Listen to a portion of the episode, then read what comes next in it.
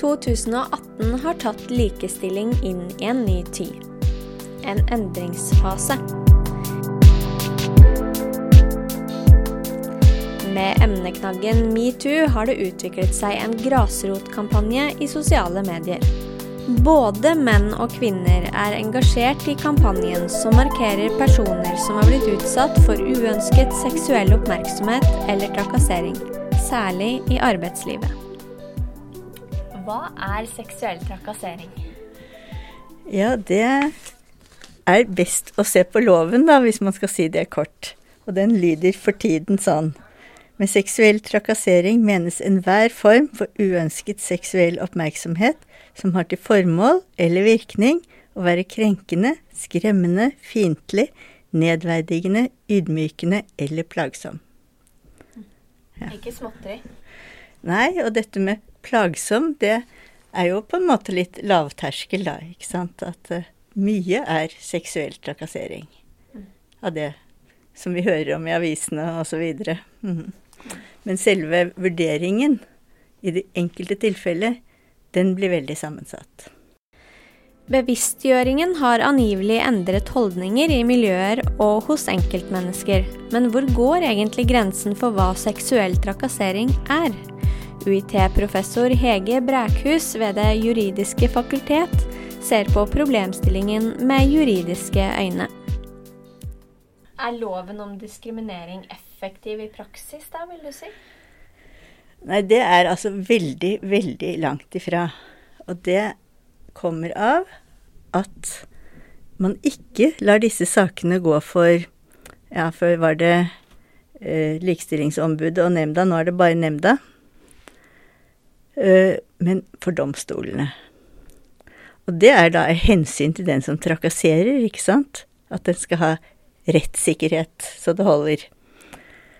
Og hvem er det som orker å reise en sak for egen risiko for en domstol? Og betale advokat, kanskje, og det hele, og så vet man ikke helt hvilket utslag du får. Så den siden er veldig lite effektiv. Eh, så har man selvfølgelig det at kanskje arbeidsgiveren sier opp vedkommende, men det er jo helt utenom den som er krenket sin sin kontroll. Mm. mm.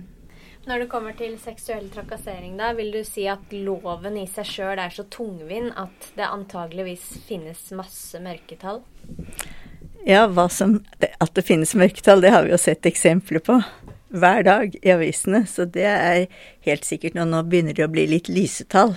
Så, men det, det, er ikke selve definisjonen av trakassering som er problemet, men det er håndhevingen.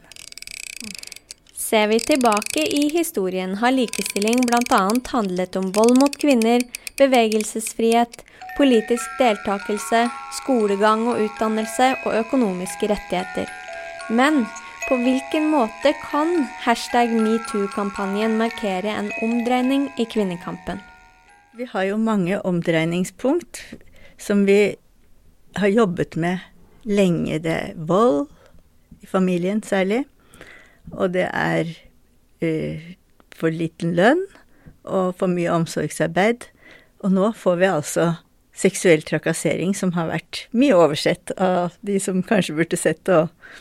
Så sånn sett så er det et omdreiningspunkt, og det, det er jo spesielt, eller fantastisk, kan man si, for det går jo litt på å oppføre seg ordentlig, rett og slett, når det gjelder kontakten mellom kjønnene.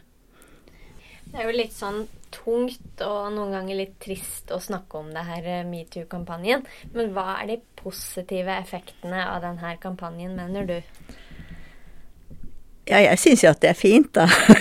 Jeg blir ikke så veldig trist av det å høre at det kommer frem. Det er jo at det kommer frem, ikke sant. Det er jo det som er det viktige. Og at, at eh, det derigjennom kan gjøres noe med at det lettes fra skuldrene til så utrolig mange kvinner som jeg tror få kunne forutse.